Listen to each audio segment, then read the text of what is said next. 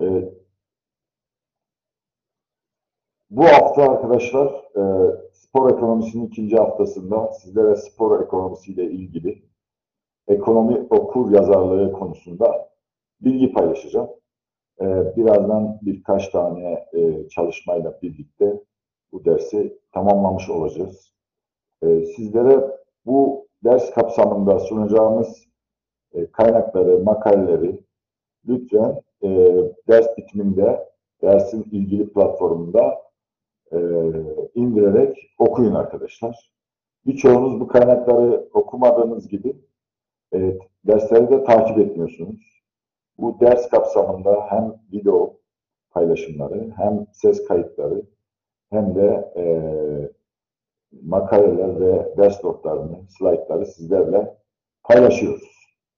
Bu dersin amacına ulaşabilmesi için e, hepinizin bu kayıtlara, kaynaklara ulaşması gerekiyor. Okuması gerekiyor. Yani sadece bizim burada anlattıklarımız yeterli olmuyor arkadaşlar.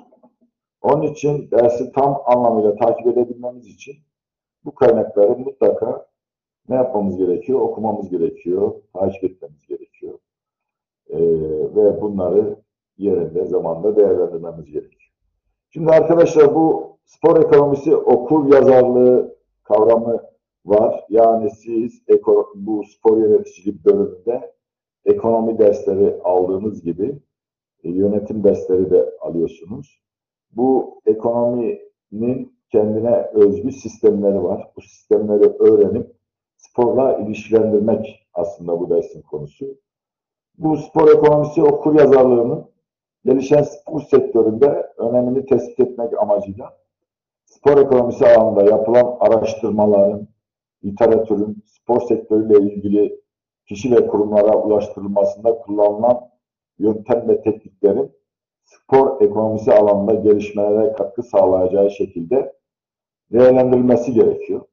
Yani bu ders kapsamında siz spor ekonomisiyle ilgili çalışmaları, literatürü, kaynakları, makaleleri, kitapları, raporları, köşe yazılarını, e, bilimsel makaleleri takip edip, okuyup, anlayıp bunu yorumlamanız gerekiyor.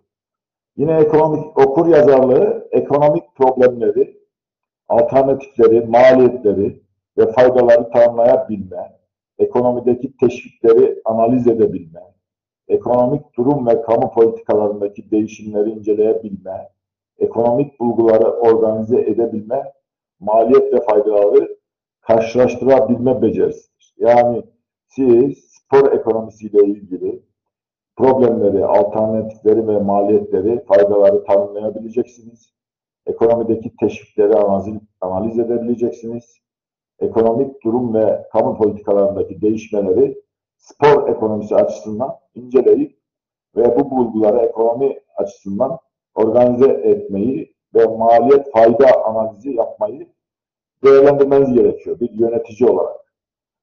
Ekonomi okur yazarlığı bireylerin para, enflasyon, faiz oranı, kredi gibi konular hakkında bilgi sahibi olması, tüm bu bilgileri yaşamında uygulama becerisi ve ekonomik faaliyetlerin sonuçlarını yaratacağı etkinin farkında olması durumudur.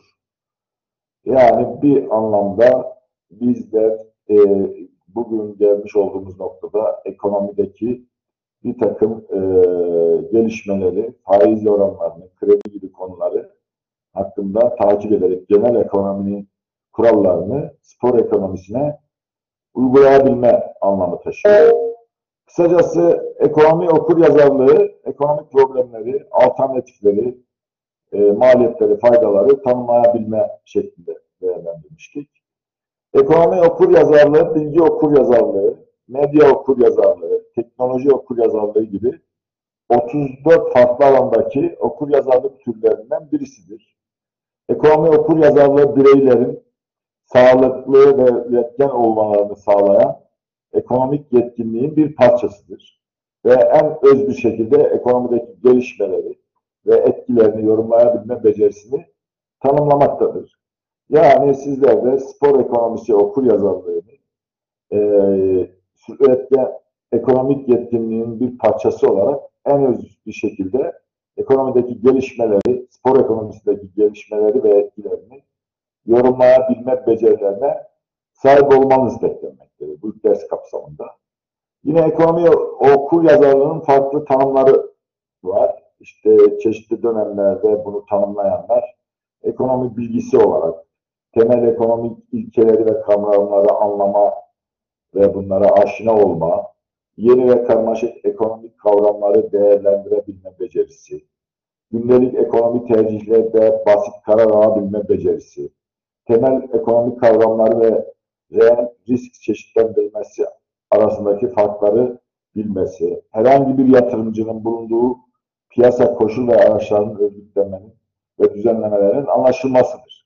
Yani bunu spor alanında, spor endüstrisinde, spor sektöründe de uyguladığımızda yani bu e, karmaşık bir kavram karmaşasının içerisinde yer alan spordaki gelişmelere e, net bir şekilde, rasyonel bir şekilde bakıp bu bilgileri, bu raporları, istatistikleri analiz edip e, maliyet fayda analizleri yapabilmek, arz talep ilişkilerini kurabilmek bu spor ekonomisinin konularından bir tanesi. Şimdi spor ekonomisi antik olduğu gibi kuramsal yani teorik bir bilimdir. Yani hem uygulamada hem teoride önemli bir yere sahiptir. Görgül yani antik olarak, bilim olarak sportif düzenlemelerin özelliklerini ve sonuçlarını öngörmeyi amaçlarken kurumsal yönüyle de hedeflere en optimum şekilde nasıl ulaşılabileceğine dair stratejiler, yaklaşımlar geliştirir. Yani spor ekonomisi hem uygulamada hem teorideki e, gelişmeleri sistematik olarak bir düzen içerisinde en verimli bir şekilde e, insanların ve toplumun hizmetine sunmak anlamı taşıyor. İşte ekonomide de biliyorsunuz en işte yönetim, en iyi yönetim tanımında ne var?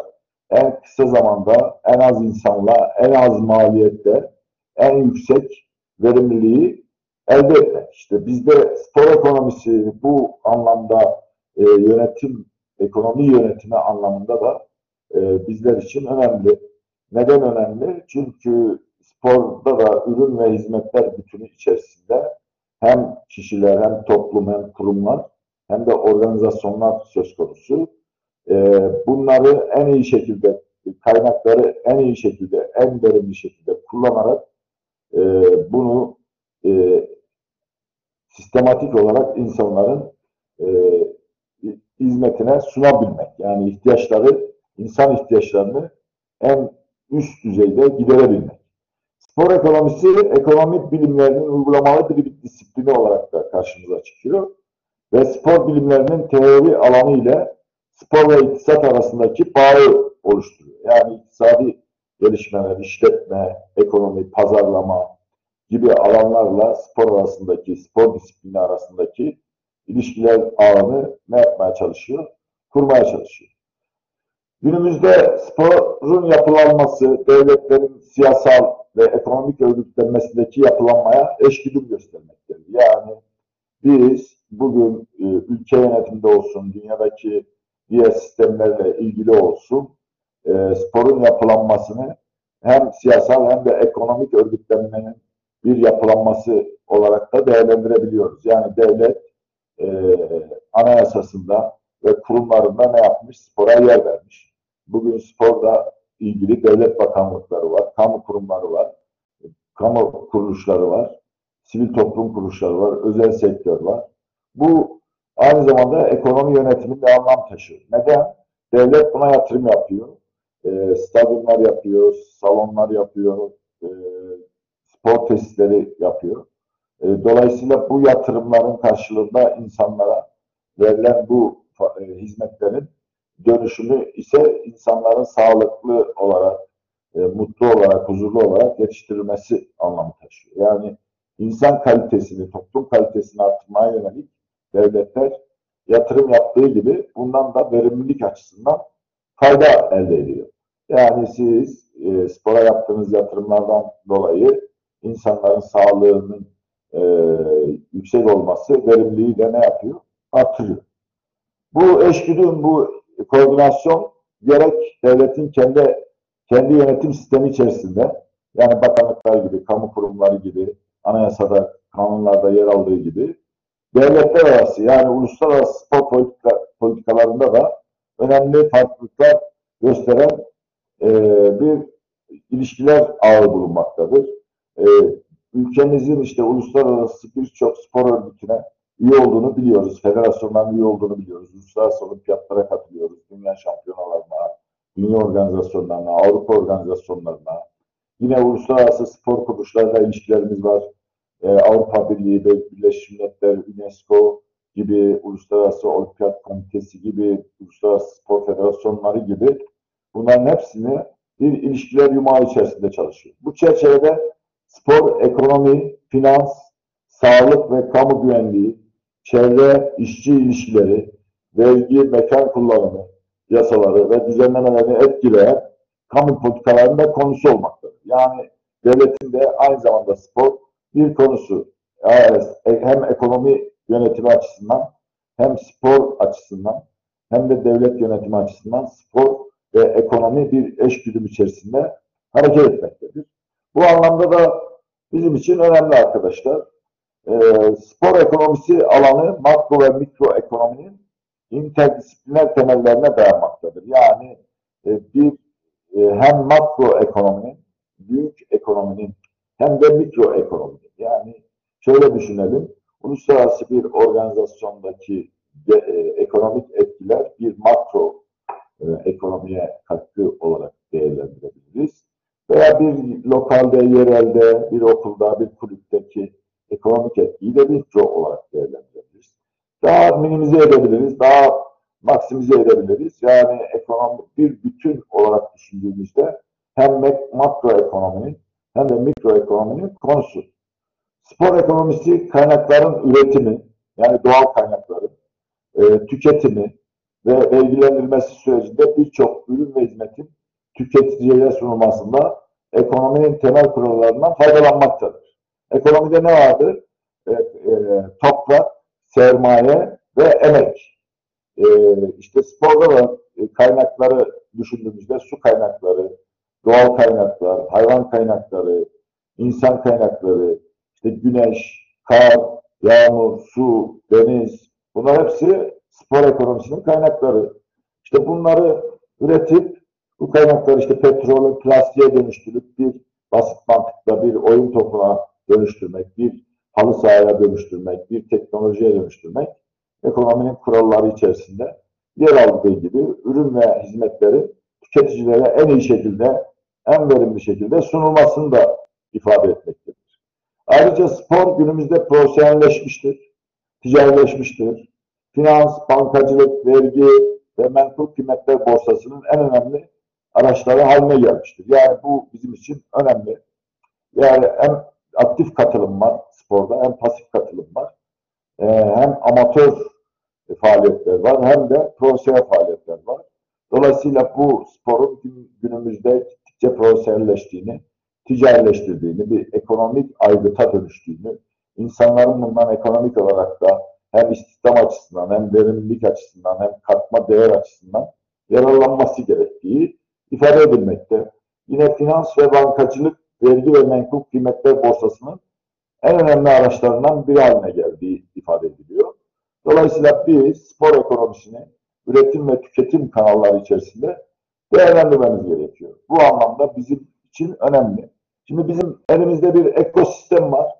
Ee, bir sistemler bütünü olarak baktığımızda şu kırmızı olarak görünen kısımlarda girdi, e, bir ürünün girdiği olarak düşünün.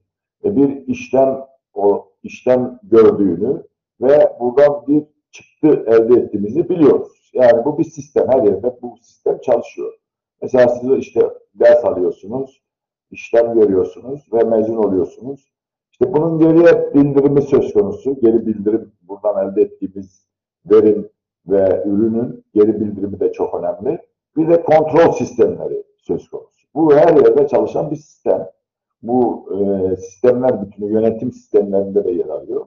Bu işlem görme esnasında sporla işlendirdiğimizde işte kaynakların, doğal kaynakların teknolojiye dönüştüğünü teknolojinin ve kullanılarak bu kaynakların endüstriye dönüştürülüp üretim bantlarıyla birlikte, makinalarla birlikte bir fabrikalaştığını görebiliyoruz. Sporda da işte bir kaynağın e, teknolojinin yardımıyla e, endüstriye dönüştürüldüğünü gözlemleyebiliyoruz. İşte bir spor ayakkabısını düşünelim veya bir spor malzemesini düşünelim. Doğal kaynaklardan elde ettiğimiz bir ürünü ne yapıyoruz? Endüstriyel fabrika sürecini e, geçirdikten sonra ürüne dönüştürüyoruz. Veya bir denizi düşünün veya bir e, dağı düşünün, doğayı düşünün, e, kar, yağmur, suyu düşünün. İşte bu bir spor organizasyonu, rafting mesela bir doğal kaynağı, ırmağı kullanarak teknolojik ürünlerle e, bunu ne yapıyoruz? Spor endüstrisi içerisinde rafting sporunu tanımlayarak e, sporun endüstriyel e, boyutuna değer kazandırabiliyoruz.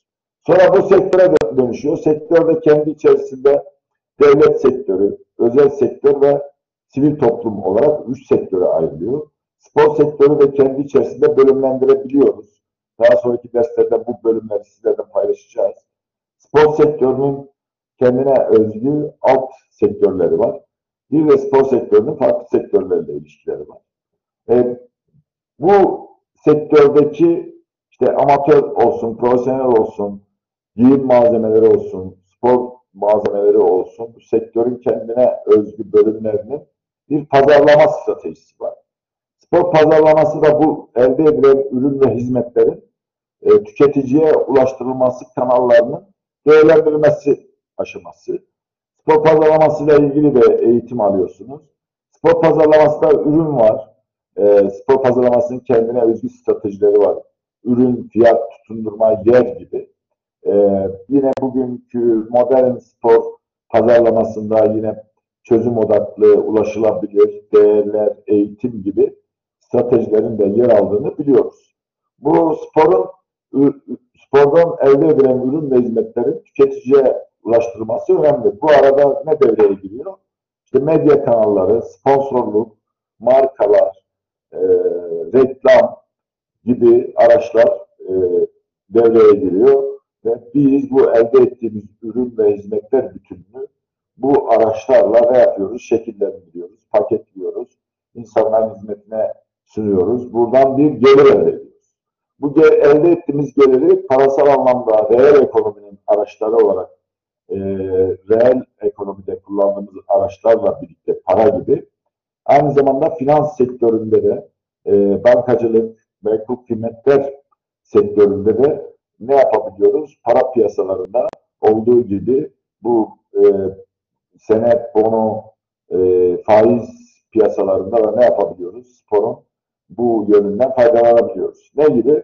İşte spor kulüplerinin halka arz edilmesi, borsada işlem görmesi, işte bugün mesela kripto paraların e, spor sektöründe kullanılması, yine koleksiyonların e, spor sektöründe kullanılması gibi e, e, taraftarların kullandıkları çeşitli finansal araçların e, ön plana çıktığını, dijitalleştiğini görebiliyoruz. Yani hem reel ekonominin hem de finans sektörünün içerisinde e, yer aldığını sporla ilgili elde ettiğimiz e, kaynakların ve gelirlerin bu anlamda da e, kullanıldığını görebiliyoruz. Hem bankacılık sistemlerinde hem borsa sistemlerinde.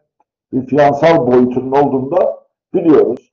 Tabii bu finansal araçların kullanımı da önemli. Hem büyük organizasyonlar olsun, hem büyük kurumlar olsun, hem küçük kurumlar olsun. Bir bütçe, e, gelir ve gider dengesi söz konusu. İşte kulüplerin gelirleri var, maç gelirleri gibi, e, maç günü gelirleri gibi, yayın gelirleri, sponsorluk gelirleri, transfer gelirleri, bilet gelirleri gibi. E, bunun dışında bir de giderler var. İşte bu gelir ve gider dengesini finansal anlamda değerlendirmekte spor ekonomisinin, spor ekosisteminin içerisinde yer aldığını görebiliyoruz.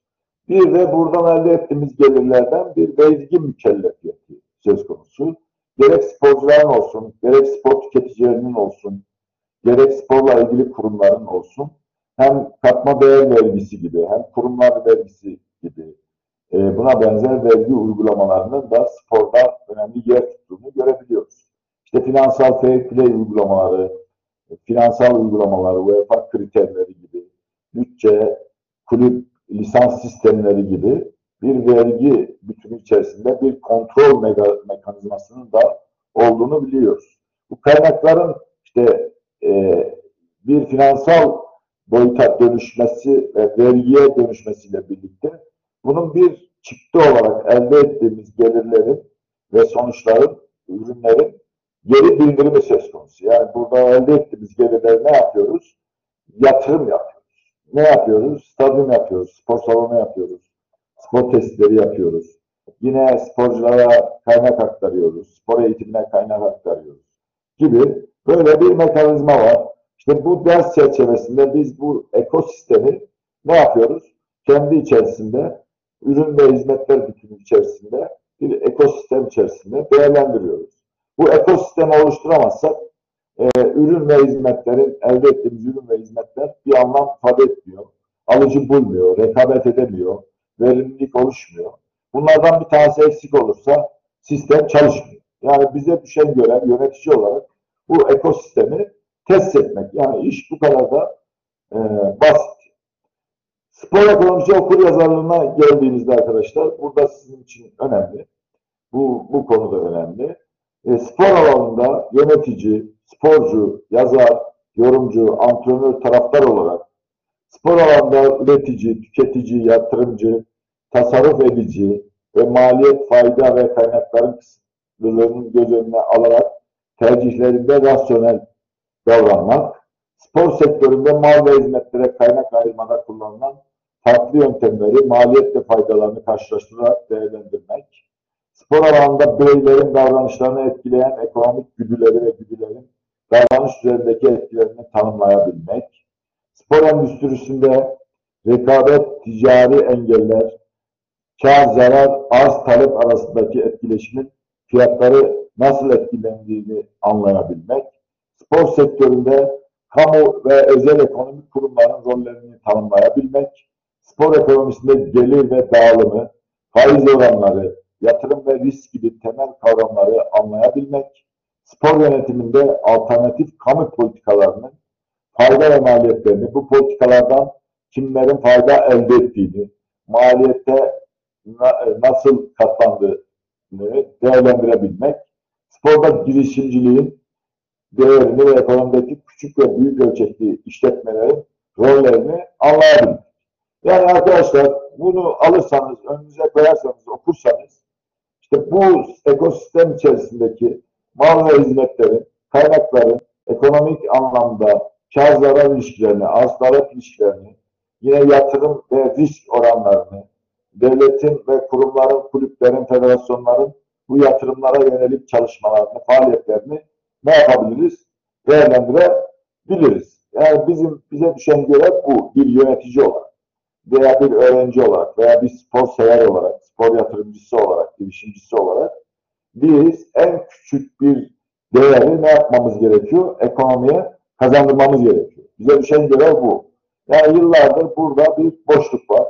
Biz spor ekonomisinin kaynaklarından faydalanamıyoruz. Ülkemiz turizm ülkesi. Üç tarafı deniz, ırmaklar var, dağlar var, kar yağıyor, güneş var, e, su var ve genç öğrenci gibi genç nüfus var. Avrupa'nın en genç nüfusu. E, yine tesislerimiz var, okullarımız var, üniversitelerimiz var. Ama bir ürün elde edemiyoruz. Yani bir ürün, uluslararası bir ürün, marka olmuş bir spor organizasyonu, bir spor branşı, e, sportif başarıdan bahsetmiyorum. Yani e, mesela Premier Lig gibi, NBA gibi, Amerikan Basketbol Ligi, yine Formula One gibi buna benzer e, organizasyonları elde edip uluslararası piyasalarda ne yapamıyoruz? Satamıyoruz. Ve uluslararası alanda spor endüstrisinde, spor sektöründe, spor ekonomisindeki gelişmeleri değerlendiremiyoruz, raporlayamıyoruz, istatistikler elde edemiyoruz. Veri olarak e, kullanamıyoruz. Neden? Burada e, bilgi eksikliğimiz var, bilgi yoksunluğu var. Bu bilgilere ulaşmayı bilmiyoruz. Bunları okuyup anlamıyoruz, değerlendirmiyoruz, kıyaslamıyoruz, analiz etmiyoruz ve ortaya bir ürün ortaya koyamıyoruz. Yani temel problem bu aslında. Onun için e, bu spor ekonomisi okur yazarlığında spor sektöründe ekonomik problemleri, alternatifleri, maliyetleri ve faydaları ne yapmamız gerekiyor? Tanımlayabilmemiz gerekiyor. Spor ekonomisindeki teşvikleri analiz edebilmemiz gerekiyor. Ve kamu politikalarındaki değişmeleri incelememiz gerekiyor. Spor ekonomisi bulgularını organize edebilme ve maliyet faydaları karşılaştırabilme becerisine sahip olmamız. Bu anlamda düşündüğümüzde spor ekonomisi okur yazarlığının spor sektörüyle ilgili insan kaynaklarının sporcu ve antrenör, yönetici, taraftar, eğitmen, kurum ve kuruluşlar yani kulüpler, federasyonlar, sivil toplum kuruluşları, uluslararası kuruluşlar, yerel kuruluşlar, organizasyonlar, ekonomideki gelişmeleri okuyabilme, anlayabilme ve yorumlayabilme becerisine sahip olmaları gerekmektedir. Yani bu sektör içerisindeki kişilerin, sizlerin, yöneticilerin bu gelişmeleri yakından takip edip bunlara e, problemlere çözüm üretmemiz gerekmektedir ve bunları bu şekilde değerlendirmemiz gerekmektedir. Bakın burada spor ekonomisi modelinde e, biraz önce bahsettiğimiz e, spor ekosistemini bir stadyum özelinde düşünün. Burada taraftarların, işte medya kuruluşlarının, teknolojinin, sporcuların, seyircilerin, tüketicilerin, hakemlerin, gözlemcilerin, medya kuruluşlarının yer aldığını görebiliyoruz. Burada bir ekosistem var. Yani burada bir maç organizasyonunu düşünün, hayal edin. Yani sadece bir sportif e, mana taşımadığını, e, bunun da bu anlamda önemli olduğunu e, bilmemiz gerekiyor. Yani biz bu ekosistemi oluşturamazsak arkadaşlar, e, bu ekonomi okur yazarlığını kavrayamazsak, anlayamazsak, bunu bu şekilde değerlendiremezsek e, uzun vadede bir fayda elde edemiyoruz. Bir başka boyut arkadaşlar, sporun ekonomik boyutuyla ilgili. E, burada da baktığımızda spor ekonomisinin tanımını görebiliyoruz. Ekonominin tanımı yer alıyor aynı zamanda. Yine burada benim sizlere önemli olarak işte makro ve mikro ekonomi e, anlamında e, sporun önemli bir araç olduğu, hem spor ekonomisi teorisinin hem politikalarının sporla e, ekonomi teori ve politikalarının sporla ilişkilendirildiğini, yine mikroekonomide e, bazı değerlerin spor açısından önemli olduğunu, e, buna benzer birçok alanla ilişkilendirebildiğimizi bu makalede görebiliyoruz. Burada sizlere e, ön plana çıkan mesela spor endüstrisinin görevleri, işte spor endüstrisinin oyunlarda yiyecek, içecek, statlar, salonlar, reklam gibi, sponsorluk gibi, takımlar, ligler gibi birçok faaliyetleri, firmaları, e, malzemeleri satan, yine spor medyasının önemli bir yer tuttuğunu ifade eden bir çalışma var elimizde. Bunu mutlaka okumamız gerekiyor. Evet, burada ön plana çıkan spor ekonomisinin unsurları. Bakın burada spor ekonomisi unsurlarına baktığımızda spor organizasyonları, spor pazarlaması, spor işletmeleri, spor medyası, spor teşkilatları, spor teknolojileri ve spor ürünleri karşımıza çıkıyor. Yani biz bu spor ekonomisini bu alanlarla, bu unsurlarla ne yapabiliyoruz? Çok rahatlıkla ilişkilendirebiliyoruz spor ekonomisi çerçevesinde. Yine bir başka boyutu futbolun finansına baktığımızda mesela özelinde, futbol özelinde baktığımızda bir futbolu düşünün, futbolun finansal boyutunu düşünün. Ee, bir pazar, bilet, reklam ve transfer söz konusu. Bunların hepsi bir ekonomik değer. Yine kamplar, okullar, şirketler, medya, radyo, televizyon, internet kanalları, kulüpler, federasyonlar, dernekler. Bakın bunlar hepsi futbolun paydaşları. Bunların hepsi birer ekonomik değer. Yani biz sadece futbolu bir spor organizasyonu, bir futbol maçı olarak e, ne yapamıyoruz? Düşünemiyoruz. Aynı zamanda futbol bu paydaşlarla birlikte hareket eden bir e, kendine özgü bir sistemler bütünü olarak karşımıza çıkıyor. Bu anlamda da değerlendirdiğimizde işte sporun toplumla iç içe olan yapısı, özellikle siyasi, sosyal, kültürel ve ekonomik gelişmelere uyum içerisinde hareket ettiğini çok yakından incelediğimizde görebiliyoruz. Spor yönetimi ve kurumları her alandaki gelişmeleri izlemek, onlara uyum sağlamak, kendini bu gelişmeler karşısında yenilemek mecburiyetindedir. İşte bizlere tür düşen görev arkadaşlar, Türkiye'de sporun gelişmiş ülkelerde olduğu gibi e, kurumsallaşmasının gözden geçirilmesi, bir zorunluluk hale geldiğini, yapının kurumsal bir nitelik kazanan tüm organizasyonlarla birlikte kendi kendini finanse eden bir sistem haline dönüşmesini sağlamak. E bugün biz mesela e, ne yapıyoruz? Devletin desteğini alıyoruz.